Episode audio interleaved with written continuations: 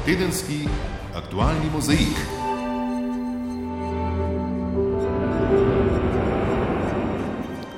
Lep pozdrav vsem, ki ste se nam to zadnjo februarsko soboto pridružili v tedenskem aktualnem mozaiku. V tednu, ki se počasi izteka, je na svoj račun prišlo približno 81 tisoč osnovnošolcev in skoraj 34 tisoč dijakov iz vzhodne Slovenije, saj so lahko uživali v zimskih počitnicah. Njihovi vrstniki iz zahodne polovice države se bodo prostih dni veselili prihodnji teden. Na svoj račun ali bolje, na njihov račun pa bo kaj več prišlo poštnim uslužbencem. Reprezentativna sindikata v Pošti Slovenije in vodstvo družbe so namreč v ponedeljek podpisali sporazum o izpolnitvi zahtev sindikata, stavka napovedana za torek pa je preklicana. Saša Kjara Kumer. Dosegli smo izboljšanje pogojev dela, da se je pošta zavezala, da bo zaposlila dodatne delavce. Dosegli smo sprotno izplačevanje nadur, predvsem pa jasno razmejitev med tem, kaj je nadurno delo in kaj je neenakomerna razporeditev delovnega časa. Tudi plačilo za nadure se bo zvišalo. Toda ali so s tem res rešene težave poštnih uslužbencev? Več v nadaljevanju daje. Vedno več težav pa imata tudi okoljski minister Jure Leben in državni sekretar Petr Vilfan. Prvemu okoli vratu visi maketa drugega tira, za katero danes nihče ne ve, kje je, drugi se mora zagovarjati zaradi domnevno davčnih nepravilnosti. Premijer Šarec pa si za Fero Sandwich zelo visoko postavil lestvico tolerance do nepravilnosti v svojih ali koalicijskih vrstah. V SMC zaenkrat pravijo, da bodo politično odgovornost za domnevna kazniva dejanja pri poslu z maketo drugega tira ugotavljali po končani kriminalistični preiskavi. Prvak stranke Miro Cerar. Želim si in pričakujem, da bodo čim prej opravili to svoje delo, da se razčistijo te zadeve, da se ugotovi, kdo je storil nepravilnost, zakaj in kako, in da se potem izvedejo postopki za ugotavljanje odgovornosti, te se pravi tudi politične. Še vedno pa čakamo, da bo Vilfan pojasnil, ali se je samo prijavil dacerjem in plačal davek ali ne. Če se je, potem bo težko lahko govoril o tem, da je bilo vse v redu. Zgodba pa naj bi po pisanju nekaterih medijev šla nekako takole. Vilfan je kot poslanec dobil dovoljenje za dodatno delo in sicer komentiranje košarkarskih tekem, kar je opravljal tako v naši hiši kot na zasebni Pop TV in na kanalu A, namesto da bi mu zaslužek plačali v skladu z zakonodajo, pa je RTV njegov dohodek nakazala športnemu društvu Košarkarska šola Petr Vilfan. Z nakazilom zaslužka pa naj bi si Vilfan izognil plačilu davčnih obveznosti. Po dolgem iskanju pa smo v tem tednu končno dobili tudi kandidata za kulturnega ministra, ki se je, kot kaže, tako kot Vilfan, samo prijavil. Sicer ne dacarjem, ampak kar stranki SD, ker bi rad, kot je dejal, nadaljeval delo prejšnjega ministra Dejana Prešička. Kandidat Zoran Poznič trenutno vodi Trbovljski zavod za kulturo, delovski dom in zagotavlja, da ima vizijo. Pripraviti ministrstvo na izzive 21. stoletja pa ne samo ministrstvo, ampak v resnici celo našo družbo, ker zame je ministrstvo za kulturo eno najbolj državotvornih sploh ministrstv, kar jih je. Mi temeljimo kot narod uh, na kulturi. Načelno podporo Šarca naj bi že dobil, pozitivne ocene prihajajo tudi iz kulturniških krogov. In kdo je kandidat Zoran Poznič? Takole ga je v naših dogodkih in odmevih predstavila zasavska dopisnica Karmen Štancer Rajevec. Akademski kipar in direktor Zavoda za kulturo Delovski dom Trbovlje Zoran Poznič je magistriral z področja videa in novih medijev na Akademiji za likovno umetnost in oblikovanje v Ljubljani. Dobro desetletje je na čelu srednje trboveske kulturne ustanove, ki je pod njegovim vodstvom vzpostavila novo vizijo mesta in kulture skozi sintagmo Trbovlje novo medijsko mesto z vsakoletnim kronskim festivalom novomedijske kulture pri nas Speculum Artium, kar Trbovlje Trbovlje in Slovenijo trdno umešča na sam evropski in svetovni zemljevid dogajanja na področju novomedijske umetnosti. Še nekaj časa pa bomo, kot kaže, iskali prvega moža nacionalnega preiskovalnega urada. Prva policistka Tatjana Bobnar namreč ni zbrala nobenega od kandidatov, ki jih je v izbiro predlagal uradniški svet, niti dosedanjega direktorja NPU-ja Darka Majheniča ne. Pravi, da ne gre za nekakšno nezaupnico, ampak da si na tem mestu želi človeka z novo energijo. Nacionalni preiskovalni urad je specializirana enota kriminalistične policije za preiskovanje najhujših oblik gospodarske in organizirane kriminalitete. Vodenje nacionalnega preiskovalnega eh, urada je zahtevna naloga. Eh, kolega Majhenič je v zadnjih petih letih vodenja pripomogel svojim delom k rezultatom nacionalnega preiskovalnega urada in moja odločitev ni nezaupnica njemu. Zato me seveda čudi ta javna polemika z mojo odločitvijo, ko pa vendarle javnost od policije vedno zahteva, da je pri svojem delu kar najbolj učinkovita. To je tudi moj namen. Z novim vodstvom Nacionalnega preiskovalnega urada želim dati temu uradu nov zagon.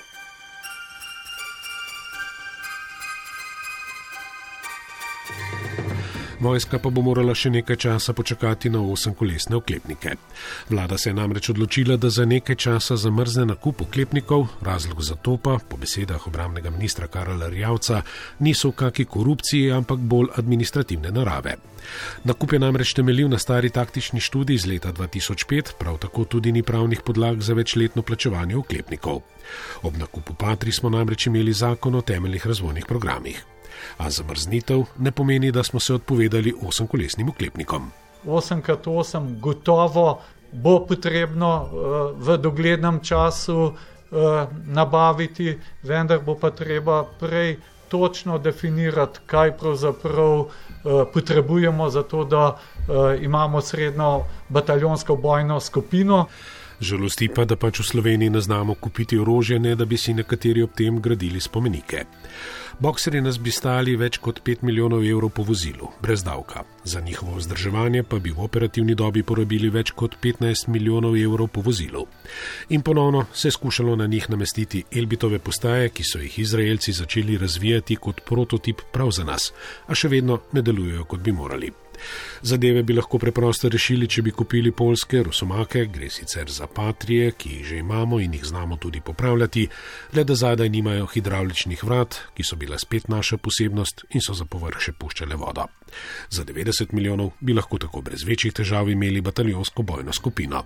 Edina težava bi bila, kdo bi jih vozil oziroma se vozil z njimi, glede na pomankanje vojakov se po tem tednu zaključuje javna razprava resolucije o strategiji nacionalne varnosti, dokument pa prinaša kar nekaj novosti, naprimer pojem obveščevalne skupnosti, največ polemike pa je okoli predloga, po katerem bi lahko pripadniki Sove vohunili tudi za slovenskimi državljani.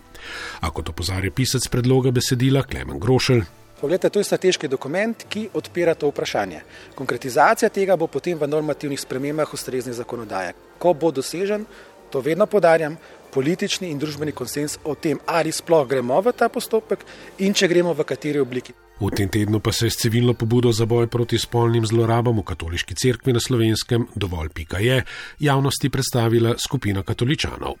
Njihov namen je zagotoviti celostno strokovno pomoč žrtvam spolnih zlorab. Hkrati kritično ugotavljajo, da vrh katoliške cerkve pri nas ne zagotavlja ustrezne zaščite.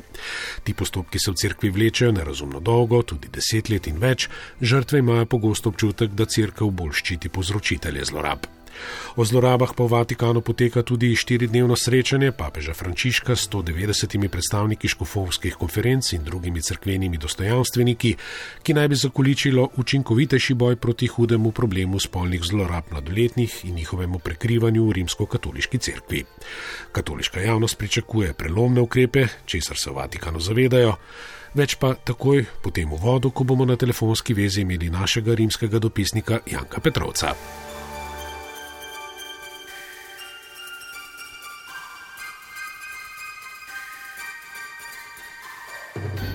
Naša največja bolnišnica pa še vedno ostaja v rdečih številkah. Minulo leto je zaključila s 23 milijonsko izgubo, a je vodstvo kljub temu zadovoljno, saj so glede na leto prej zmanjšali izgubo za več kot 10 milijonov evrov.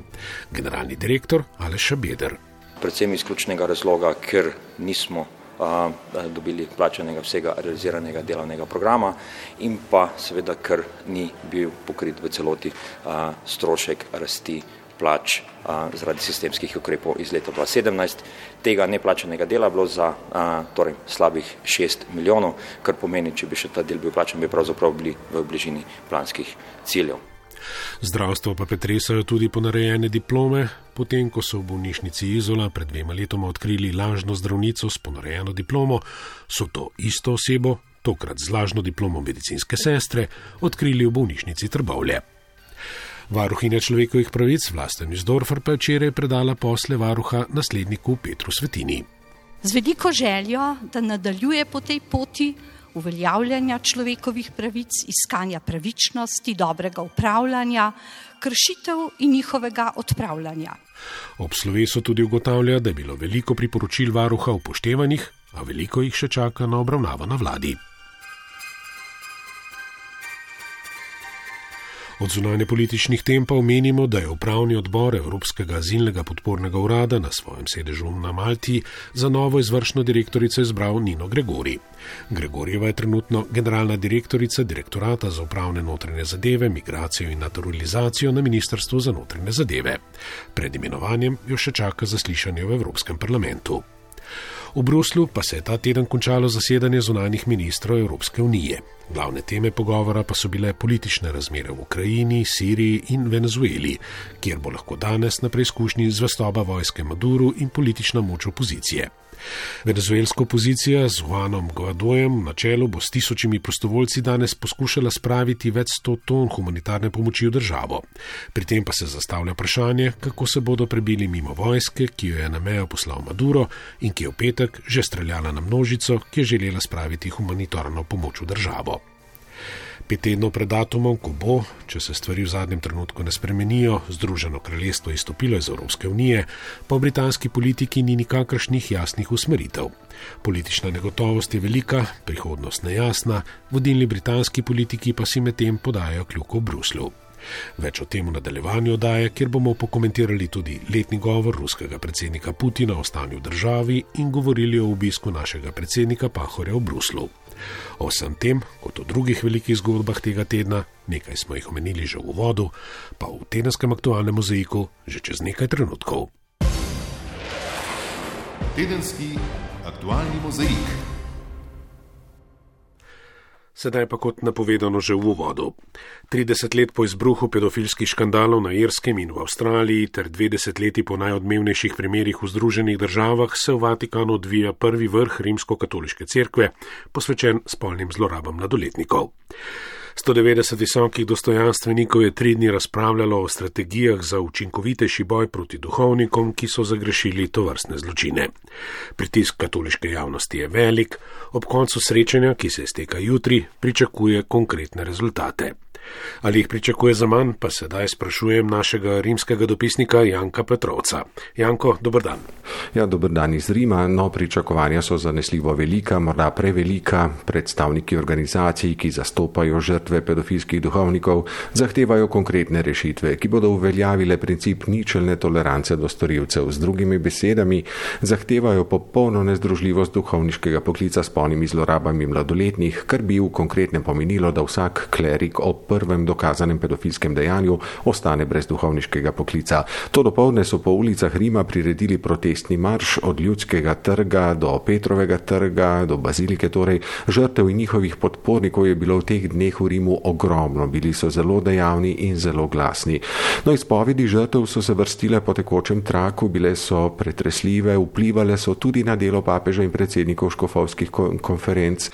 Zelo uspešno so afero s polnimi zlorabami mladoletnih desetletnih razširili na bistveno širši problem drugih nasilnih dejanj v katoliški cerkvi danes, gre zlasti za spolno nasilje duhovnikov nad nunami, problem, ki ga je odprl papež sam pred nekaj tedni, in gre tudi za spolno in psihično nasilje v samih ženskih samostanih, kar so izpostavili nekatere pogumne bivše redovnice.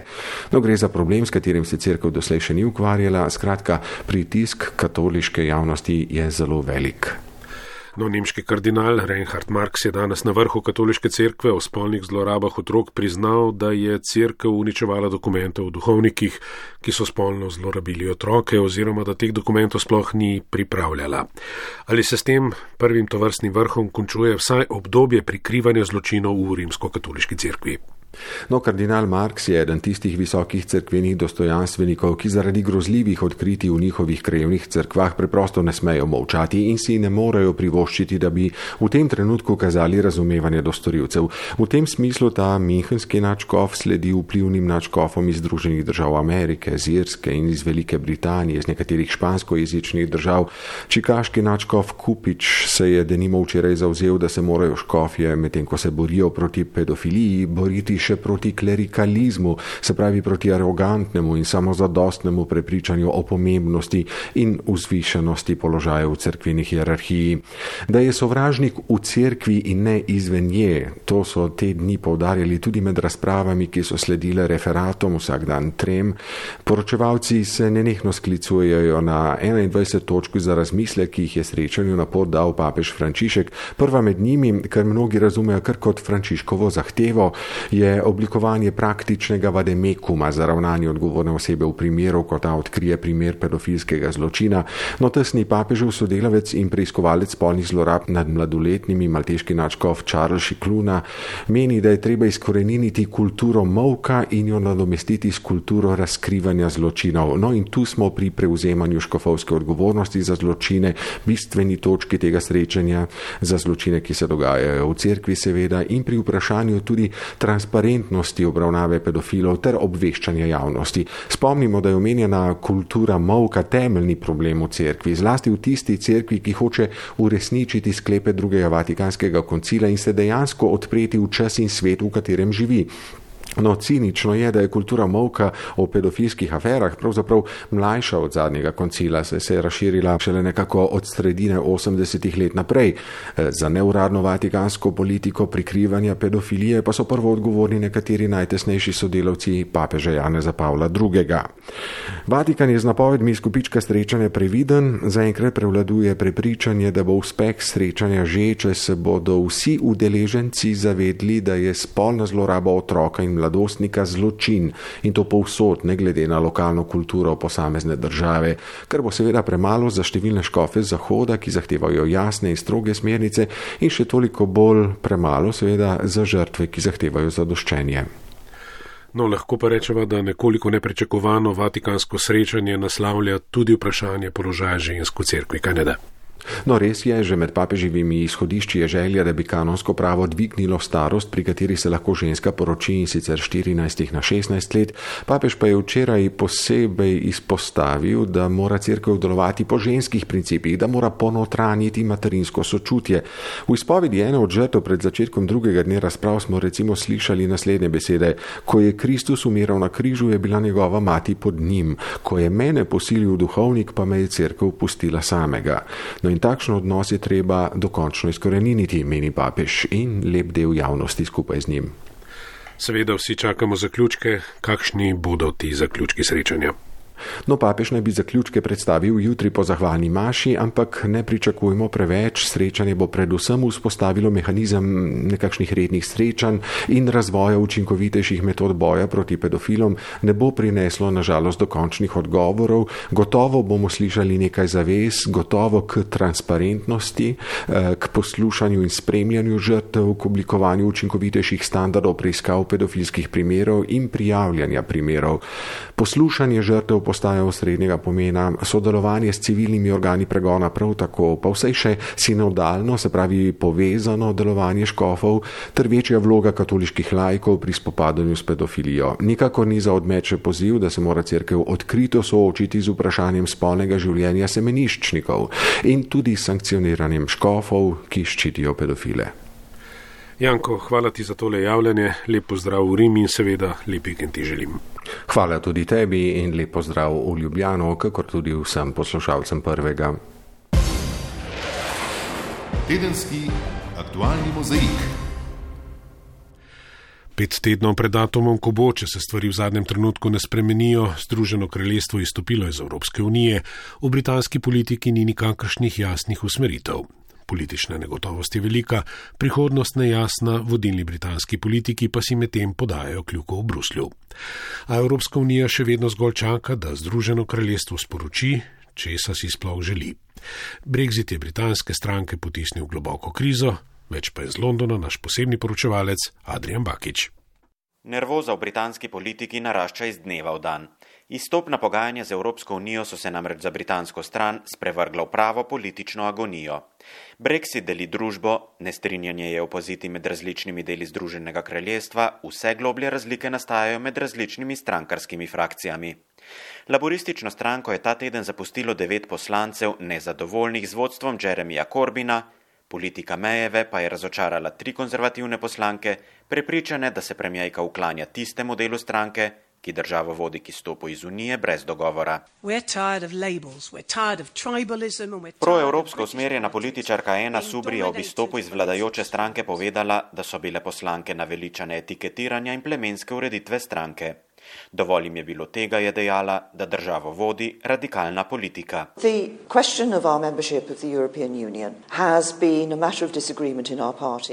A premijejka Theresa May svojim kritikom odgovarja, da članstvo v Evropski uniji že leta sproža polemike v konzervativni stranki, ter da je bilo po več kot 40 letih članstva v Evropski povezavi jasno, da ločitev ne bo preprosta. Večina poslancev, ki so ta teden izstopili iz obeh največjih političnih skupin, se je zdaj združila v skupino neodvisnih poslancev, ki se bo zauzemala za drugi referendum o Evropski uniji. Do zdajšnji laboristični poslanec Čuka Omuna je Britancem priznal, da so tako kot številni prebivalci tudi nekateri poslanci naveličani ustaljene politike, zato so šli na svoje, da bi zadeve spremenili a Brexit se je že sprevrgel v nevralgično točko vse Evrope. Like fatigue, you know? Brexit me utruja, je v razmeroma nediplomatskem jeziku povedal predsednik Evropske komisije Jean-Claude Juncker po še enem srečanju s premijajko Theresa May brez konkretnih rezultatov. A v Bruselj ta teden ni odšla le predsednica britanske vlade, ampak tudi vodja največje opozicijske stranke, laborist Jeremy Corbyn. Sestankoval je z glavnim evropskim pogajalcem Mišelom Barnjejem in nekaterimi evropskimi poslanci, člani posebne skupine, ki se ukvarja z Brexitom.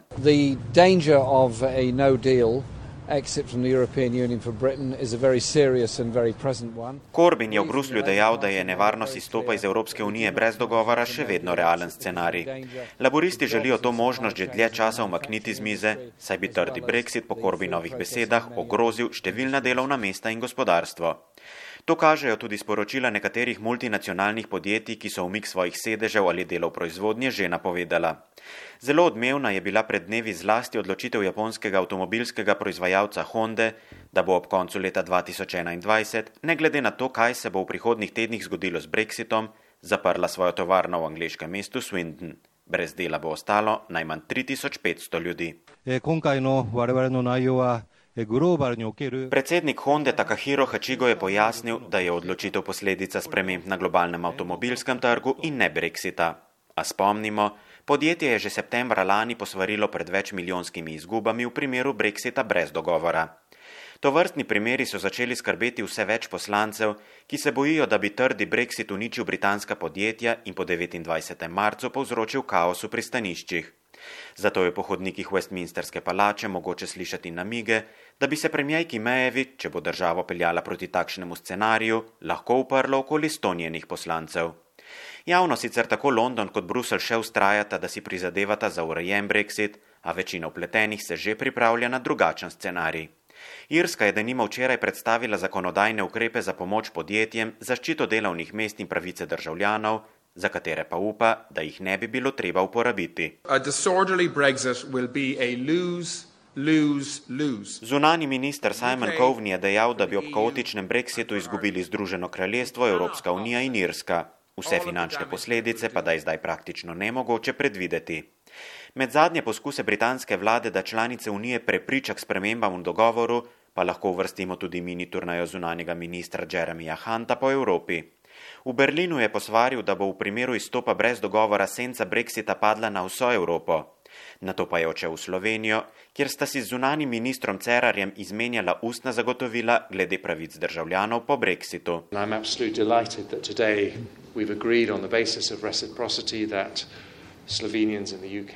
Hunt je v Ljubljani zatrdil, da je zadovoljen, da bodo na podlagi recipročnosti tudi v primeru trdega brexita tako Slovenci v Združenem kraljestvu kot Britanci v Sloveniji lahko ostali z enakimi pravicami, kot jih uživajo zdaj. A obljub in napovedi je bilo v britanski politiki v zadnjih mesecih že veliko, Britanci zato postajajo nestrpni in pravijo, da je čas, da politika preide k konkretnim odločitvam.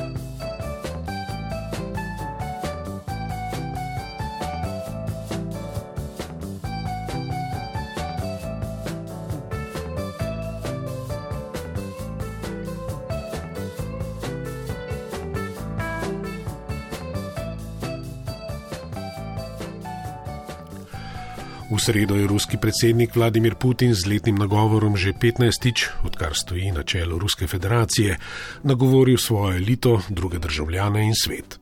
Večino časa je namenil notranjim ruskim temam, pozornost v svetu pa so po pričakovanju pritegnile Putinove ocene ameriškega odstopa od sporazuma o neširjanju jedrskega orožja, ki sta ga pred dobrimi 31 leti podpisala predsednika Ronald Reagan in Mihajl Gorbačov. Ruski voditelj je napovedal tudi morebitno nameščanje raket srednjega dosega v Evropi. Ampak A je Vladimir Putin v sredo dejansko povedal kaj novega? O besedah ruskega predsednika razmišlja Andrej Stopar.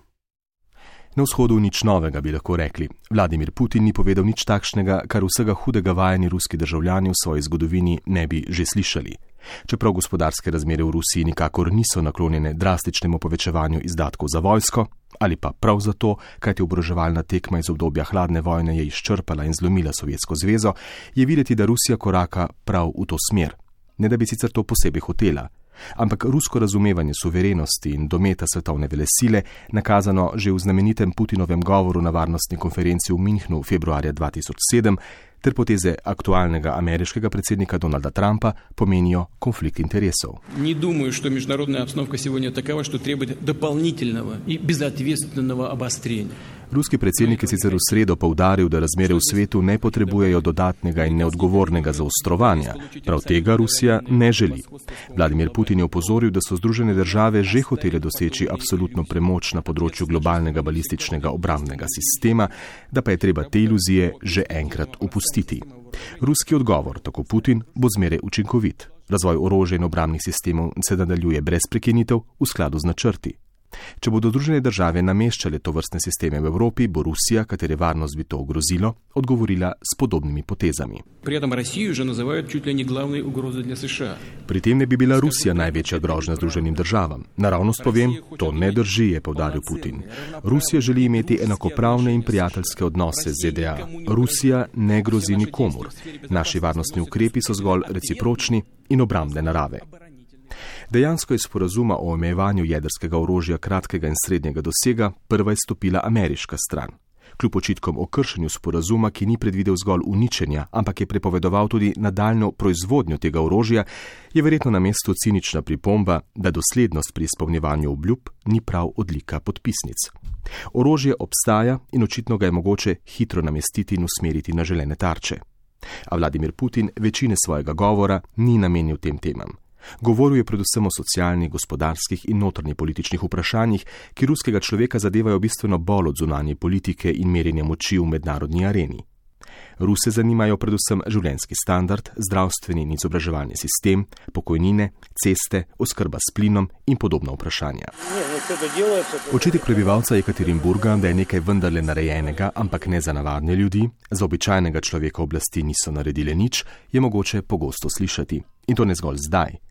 Gre za stalnico za ostajanje življenskega standarda ruskega prebivalstva za voljo pomoči njihove države.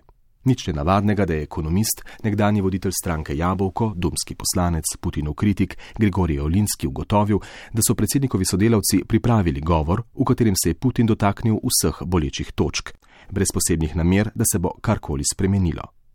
Ljudje so to razumeli, obenem pa tudi oblasti vedo, da ljudje to razumejo in hkrati sprememb ne pričakujejo. Ruski človek, ki mu toliko pomeni, da je njegova domovina ugledna in vodilna v svetu, se doma na državo kaj prida ne zanaša. Zmeraj se je lahko naslonil le na lastne preživetvene strategije. Gledano iz kremeljskih dvoran in hodnikov oblasti, pa tudi ni razloga za spremembe. Če gre verjeti predsednikovemu pomočniku Vladislavu Surkovu, ki je kot oče besedne zveze suverena demokracija veljal za kremeljskega ideologa, je putinski model voditelja in države izjemno privlačen tudi za tujino. Močni voditelji so v modi.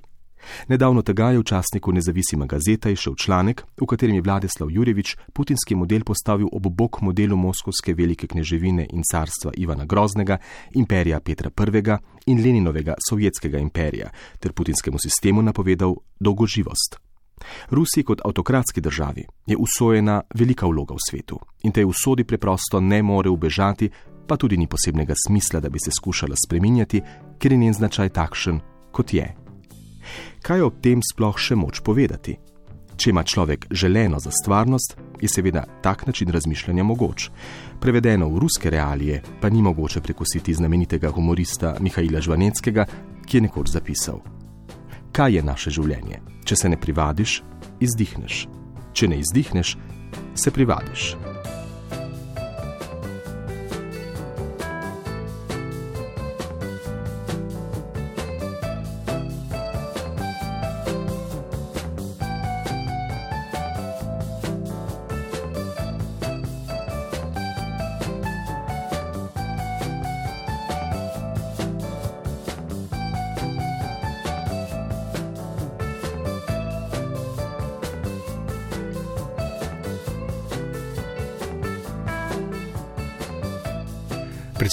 Republike Borod Pahor se vrnil z dvodnevnega obiska v Bruslju, kjer se je sešel z voditelji evropskih institucij in Severnoatlantskega zavezništva.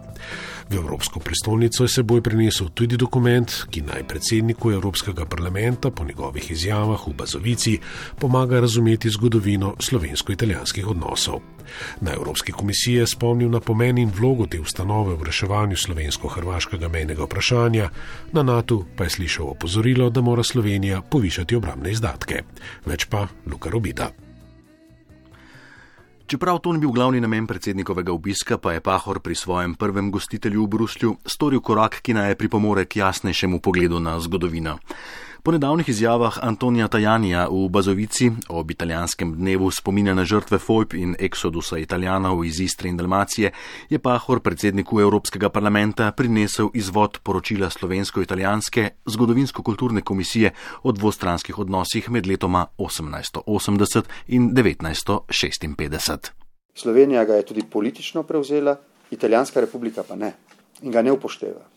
Zato sem eh, danes izkoristil to priložnost in v luči zadnjih dogodkov predsedniku eh, Evropskega parlamenta uradno predal poročilo in ga je tudi sprejel. Za obljubo, da ga bo tudi proučil.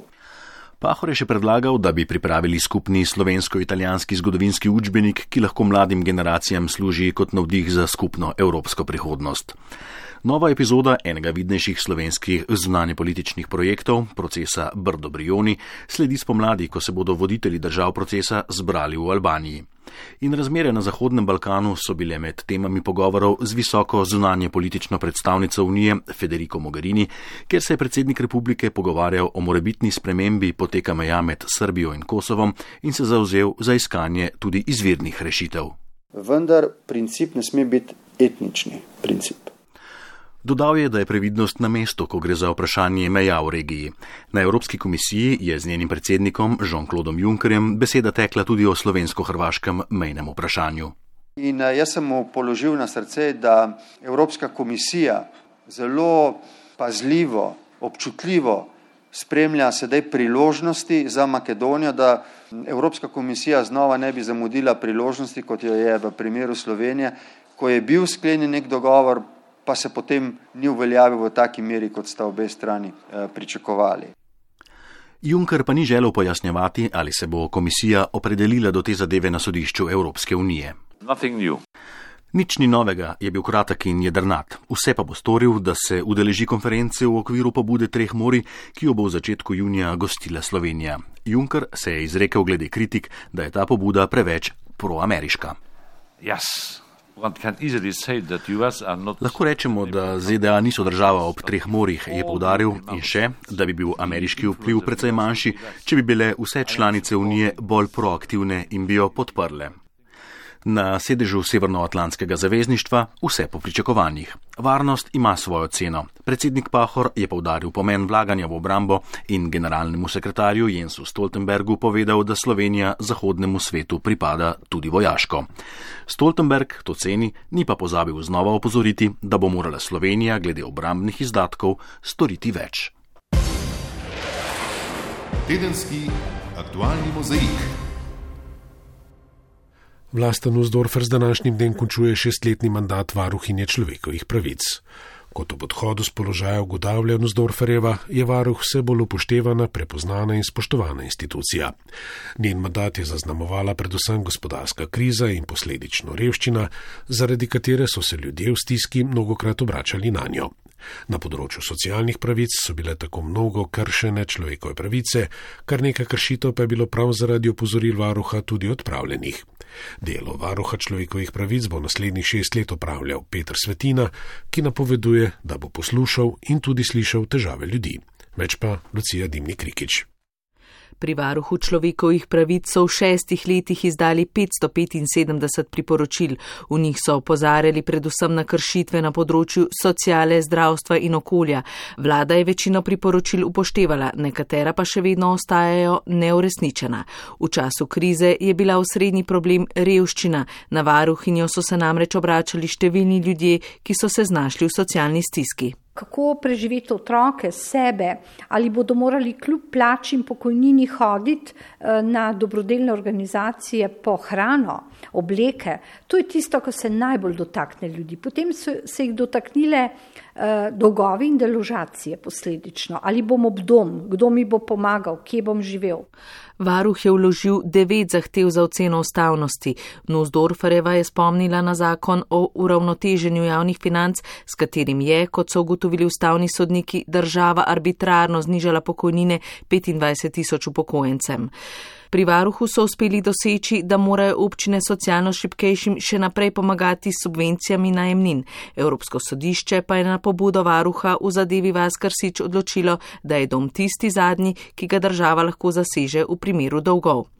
Nuzdorfereva ugotavlja, da se številne kršitve še vedno dogajajo na področju invalidov. Tu je treba državo okrcati, da še vedno obstaja diskriminacija študentov invalidov. Lani smo opravili zelo pomembno analizo na vseh sodiščih. Ugotovili smo, da eh, marsikje nimajo zagotovljenih prihodov in omogočanja, da bi eh, lahko invalidi prišli dostojno na sodišče. Na področju zdravstva so problem zlasti predolge čakalne dobe, na okoljskem pa smrad in hrup ter onesnažena območja. Tako otroci, ki imajo strupe, mirimo v Mežiški kot dolini, potem seveda tudi radon, marsikje. Imeli smo zemljino na različnih vrcih, ki je bila potrebna menjave zaradi strupov. Tudi romska problematika in dostop do pitne vode, ki je sicer upisana v ustavo, ostajata neurejena. Še vedno so romska naselja in tudi še kdo drug.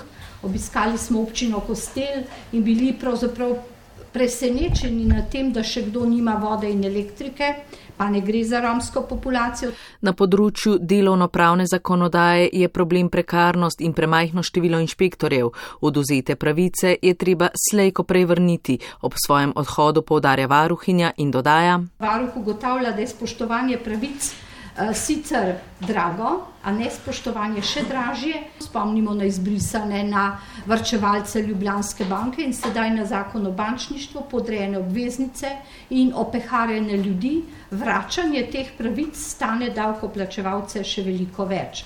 Vlasta Nussdorfer si bo po koncu mandata vzela dopust, kaj bo počela v prihodnje, pa za zdaj ne razkriva. Naslednjih šest let bo na kršitve človekovih pravic opozarjal Peter Svetina, ki bo peti varuh po vrsti. V državnem zboru je prejel skoraj soglasno podporo 89 glasov. Tako velika podpora mu pomeni še dodatno odgovornost. Svetina po izobrazbi sicer specialni pedagog povdarja, da sta zanj bistvo človek in človečnost. V svojem mandatu pa želi predvsem doseči, da bi se ljudje med seboj bolj spoštovali. Kot napoveduje, bo njegovo temeljno vodilo pravičnost. Pravičnost za vse prebivalce in prebivalke v Sloveniji. Ogledalo družbe je spoštovanje človekovih pravic in v vlogi varuha bom vsakodnevno to ogledalo. Brezkompromisno, jasno in glasno bom opozarjal na kršitve, vztrajno in odločno predlagal rešitve. Tudi sam bo, tako kot njegova predhodnica, preverjal spoštovanje pravic na terenu, sodelovati namerava z nevladnimi organizacijami, civilno družbo, stroko in mediji. Zatrjuje, da bo poslušal in tudi slišal težave ljudi, pričakuje pa tudi, da bo njega slišala politika. Vem, da bo prišlo do konfliktov, zagotovo na to sem pripravljen, ampak nek družbeni konsens na osnovnih pravicah in na osnovnih zadevah pa moramo najti, se smo dovolj zreli in jaz verjamem, da to obstaja. Pozorno bo spremljal tudi delovanje sodnega sistema. Že prihodnji teden se bo tako sešel s predsednikom ustavnega sodišča, s katerim želi intenzivno sodelovati.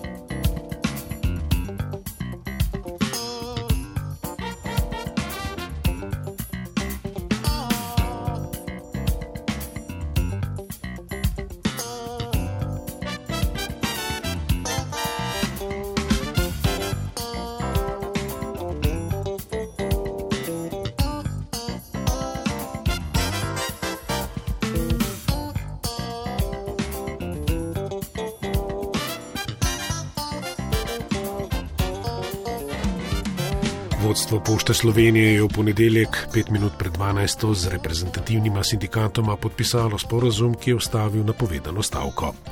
Gre za obsežen dokument, s katerim naj bi v dveh letih izboljšali pogoje dela in materialni položaj zaposlenih. Do konca leta naj bi pošta, ki skupaj z invalidskim podjetjem zaposluje več kot 6100 ljudi, zaposlila skoraj 300 novih uslužbencev, s tem pa rešila kronično kadrovsko podhranjenost in prekomerne bolniške odsotnosti. Dejan Rad. Poštarji, zaposleni na poštnih okencih in v logističnih centrih, so prekomerno obremenjeni. Prav kopičenje ur in dolgi delavniki pa sta bila glavna razloga za napovedano stavko. Slednja je bila odpovedana tik pred zdajci. Tehnične podrobnosti so reševali v zadnjih minutah pred podpisom sporazuma. Poleg pozitivne plačne politike pa bo prvi ukrep vodstva načrt zaposlovanja. Se praktično vse leto 2019 bomo imeli zunaj razpise in bomo v svojo sredino vabili nove kolege. Poudarja vodja pogajalske skupine na pošti Carmen Lebe Grajf, Saška Kjara Kumer iz sindikata delavcev prometa in zvez pa dodaja. Vsa delovna mesta morajo biti zasedena z redno zaposlenimi, poleg tega pa smo dvignili tudi odstotek rezerv, to so pa tisti zaposleni, ki nadomeščajo odsotne delavce takrat, kadar koristijo letni dopust in kadar so bolniško odsotni. Na pošti so v letu 2018 izplačali 200 tisoč nadur in viškov ur, kar priča o izjemni kadrovski podhranjenosti. Pooblaščenec poslovodstva Martin Mlakar zato zatrjuje. Ja, zavezali smo se jih eh, pridobiti 190 nad kadrovskim eh, načrtom in pa še cirka 100 za to, da zapolnimo vsa delovna mesta, ki so trenutno nezasedena. Pošto pesti tudi nadpovprečna bolniška odsotnost in fluktuacija zaposlenih. Inšpektori so lani opravili 88 pregledov in ugotovili 91 kršitev, večino zaradi temperaturnih razmer. 340 poštarjev pa je utrpelo poškodbe pri delu. Pooblaščenec sindikata poštnih delavcev Saša Gržinič ob tem izpostavlja. Mi smo lansko leto 850 zaposlenih na trgu dobili, torej delavce se da dobiti. Problem jih je zadržati. Problem je zadržati delavce, ki so po 20-30 let bili na pošti in so hoteli ostati tudi na pošti. Odšli so ravno zaradi tega, ker in sindikati nismo bili uspešni in delodajalec se ni želel tega resno lotiti in urediti. V skladu z dogovorom bo pošta upeljala dodatne odmore. Najviše dopustno število delovnih ur na teden in na dan bodo znižali. Više in sprotno bo plačilo nadur. Višji bodo tudi dodatek za deljen delovni čas, regres in povračilo stroškov za prevoz na delo. Saša Gržinič o ukrepih za izboljšanje materialnega položaja zaposlenih. Da se mi z, v večini zahtev, tudi v številu zaposlenih, se hočemo vrniti na leto 2012, torej na čas pred krizo. In zdaj s tem sporozumom se pač delovcem povrača to, kar so že imeli. Z dogajanjem na pošti in zagotavljanju univerzalne poštne storitve se je v četrtek ukvarjal tudi parlamentarni odbor za delo. Razšel se je brez glasovanja o sklepih, razpravljavci pa so opozorili, da so se razmere na pošti za zdaj umirile, a problemov niso rešili. Zato v levici od vlade pričakujejo odstop od zahteve po večmilijonskem dobičku. Prst je proti lastniku uperila tudi Saška Kjara Kumer iz sindikata delavcev prometa in zvez ker država recimo z zakonom določa standard univerzalne pošte storitve, eh, država določa ceno, po kateri se ta storitev izvaja, po drugi strani eh, seveda zahteva, da se da pošta pride tudi, ne vem, v zgornje hribovce, zahteva pa donos. In to je tista dvojna, trojna vloga države, ki ne bo zdržala, ker če na eni strani določaš standard in ceno in na drugi zahtevaš dobiček, eh, se lahko ta dobiček v bistvu ustvari samo na plečih zaposlenih. Pošta je sicer v 100-odstotni državni lasti, za upravljanje je zadolžen SDH. Rezultati poslovanja pa so po besedah vodje pogajalske skupine Carmen Lebe Grajf. Po nerevidiranih podatkih bi se naj ta dobiček gibal v letu 2018 okrog 10 milijonov evrov. Poslovni izidi v letu 2019 in 2020 bodo zagotovo slabši, saj bo pošta za nove zaposlitve in izboljšanje pogojev dela porabila dodatnih 17,7 milijona evrov.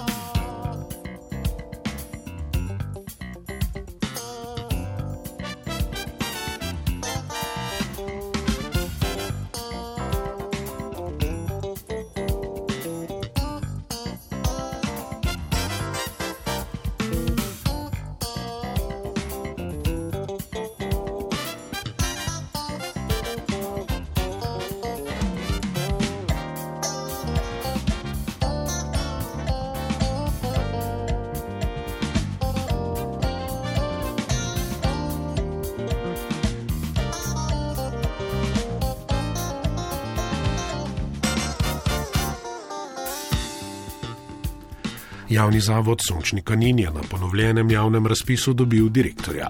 Vodil ga bo Roko Ovsenik, izbranega kandidata mora v skladu s statutom zavoda pred nastopom štiriletnega mandata potrditi še občinski svet. Podrobnosti pa v prispevku Karin Zorn. Prvi postopek izbire direktorja javnega zavoda Sončni Kanin, na katerega so se prijavili trije kandidati, ni bil uspešen, saj je izbrani kandidat po nekaj dneh iz osebnih razlogov odstopil. Nan se je takrat prijavil tudi obstoječi vršilec dolžnosti direktorja Marjan Skornišek, ki pa ni izpolnjeval razpisnih pogojev. Svet zavoda je razpis ponovil. Med petimi kandidati, od katerih eden ni ustrezal razpisanim zahtevam, je svet zavoda izbral Roka Ovsenika. Je doktor znanosti, redni profesor na Novomeški fakulteti za organizacijske študije, nekdani predavatelj na fakulteti za turistične študije turistika v Portorožu, avtor različnih znanstvenih člankov in knjig o turizmu. Med drugim pa je bil tudi akrobatski smučar in direktor slovenske reprezentance v akrobatskem smučanju. Po njegovem mnenju je smučišče na Kaninu eno najbolj perspektivnih slovenskih smučišč. Že zaradi svoje lege in pa seveda eh, okolja, v katerem leži glede na to, da se že pač celo življenje ukvarjam na nek način s turizmom in pa zimskimi športi, eh, lahko trdim, da je Bavška dolina oziroma dolina Soče perspektivna za razvoj eh, novih oblik smučanja in sem tudi prepričan, glede na to, da so eh, projekti obnove nekako v začetni fazi, da s skupnimi močmi lahko pripomoremo k res eh, dobremu razvoju in lokalnega, regionalnega okolja in seveda tudi samega smočišča Kanin. Ovsenik dodaja, da se, tako kot ostali športi, razvija tudi smučanje. Nekatera slovenska smočišča so temu trendu eh, že sledila. Mislim, da Kanin sedaj v tisti točki, ko bo eh, stopil na to pot sledenja in sem prepričan, da bomo z močmi izredno konkurenčni tudi na tem področju, glede na to, da te oblike smučanja jaz pač eh, zelo dobro poznam. Eh, seveda pa ne smemo pozabiti tudi na razvoj nezimskih produktov v gorah, ne, tako od kolesarstva, pohodništva in ostalih atrakcij, ki nam jih naravna infrastruktura v Bovcu oziroma Kaninu ponuja. Kakšna pa je njegova vizija za Kanin? Prvo kot prvo bo seveda potreba natančno pogledati, eh, kakšno je stanje. Seveda je treba v prvi fazi sanirati eh, dolgove, za katere vsi vemo, da obstajajo. Predvsem tukaj mislim na dolgove proti davčni upravi Republike Slovenije. Potem v drugi fazi pa mislim, da je prva točka povečati eh, obseg prihodov smučarjev na kanin. Eh, seveda dolgoročna ali pa srednjeročna vizija pa je tesno povezovanje z okoljem v celotni regiji in slovenskem prostoru in pa seveda obnova žičniških naprav na samem kaninu. Občinski svet bo o imenovanju Roka Ovsenika za štiriletni mandat na čelu Sončnega kanina odločal na seji predvidoma konec marca. Tedenski aktualni mozaik.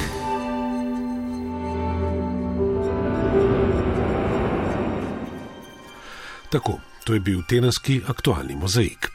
In kaj nam prinaša teden, ki je pred nami? Tisti osnovnošolci in dijaki, ki so končali počitnice, se bodo vrnili v klopi, počitnic pa se bodo veselili tisti iz območja zahodne, srednje in nekaterih občin jugovzhodne Slovenije.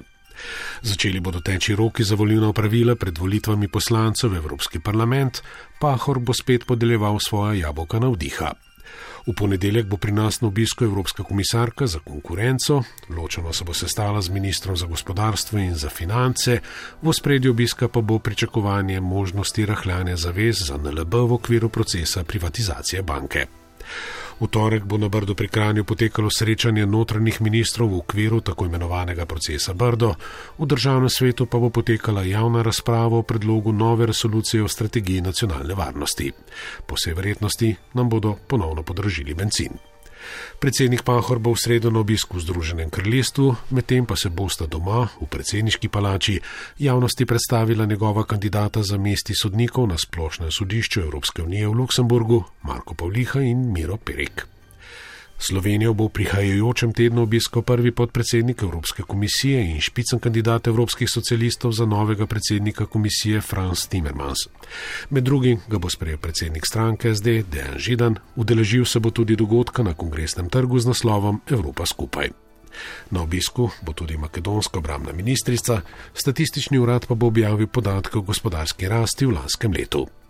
V petek bomo praznovali Mednarodni dan civilne zaščite, člani parlamentarnega odbora pa bodo na pustno soboto obravnavali predlog rebalansa proračuna ter novelo zakona o izvrševanju proračunov za leti 2018 in 2019.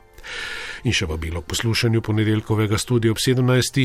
Govorili bomo o tem, kakšen je rezultat večdnevnega srečanja papeža Frančiška in škofov o zaščiti mladoletnikov pred spolnimi zlorabami klerikov. Bo to srečanje prelomno, bo obravnava pedofilskih duhovnikov ter njihovih zaščitnikov od zdaj strožja in temeljitejša. Odgovore na ta številna vprašanja, kot rečeno, v studiu ob 17 kjer bojo svoje stališče podali predstavniki katoliške cerkve na slovenskem, katoliški lajki in kleriki ter lajčna javnost. Voditeljica oddaje je Nataša Lang. Z željo, da bo prihajajoči teden minil čim bolj mirno, pa se pod tokratno oddajo ob novinarjih, ki so pripravili pregled tedna, podpisujemo še urednica Alenka Trlep in Darja Groznik, tonska mojstra Jon Črgan in Uroš Macura ter voditelj Robert Krjanc. thank you